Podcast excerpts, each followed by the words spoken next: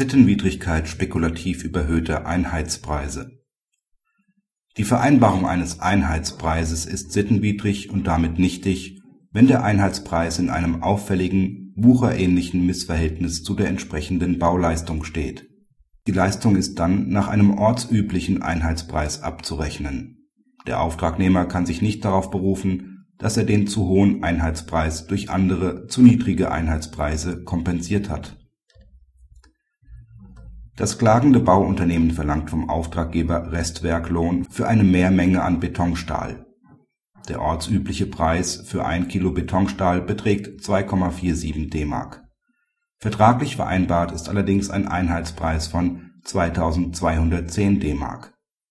Diesen hohen Einheitspreis hat das Bauunternehmen angeboten, weil abzusehen war, dass die im Leistungsverzeichnis vorgesehene Menge erheblich zu niedrig war den hohen Einheitspreis kompensiert das Bauunternehmen für die Angebotsphase dadurch, dass es andere Positionen niedriger anbietet.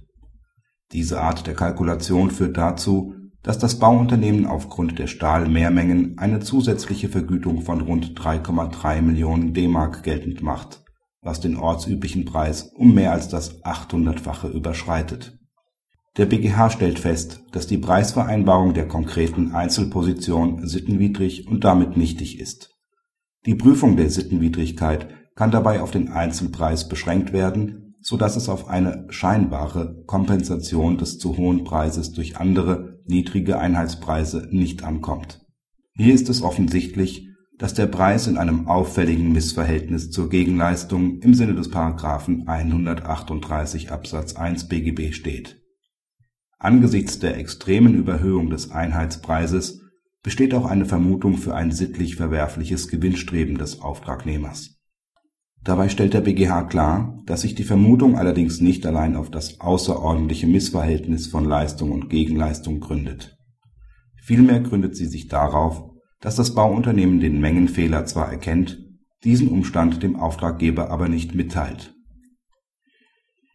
Ausblick der rechtliche Umgang mit spekulativ überhöhten Einheitspreisen stellt derzeit eine der meist diskutierten Fragen dar.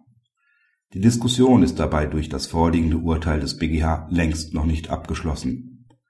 Denn der BGH hatte über einen Extremfall zu entscheiden, was er an mehreren Stellen des Urteils auch deutlich herausstellt.